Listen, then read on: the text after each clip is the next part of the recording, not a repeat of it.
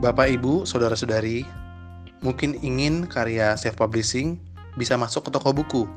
Ini bagaimana caranya? Ini pun ada prosesnya. Pertama, tentukan target.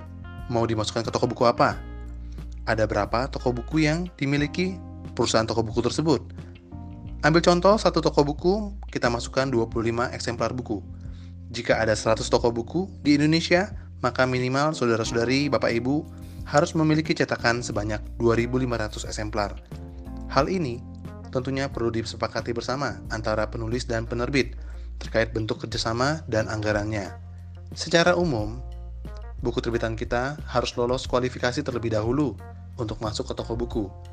Tapi jangan khawatir, hal ini tentunya sudah kita proses saat editing dan layouting oleh penerbitan kami. Setelah pihak manajemen toko setuju dengan naskah dan harga jual kita sepakati, barulah kita proses ke distributornya.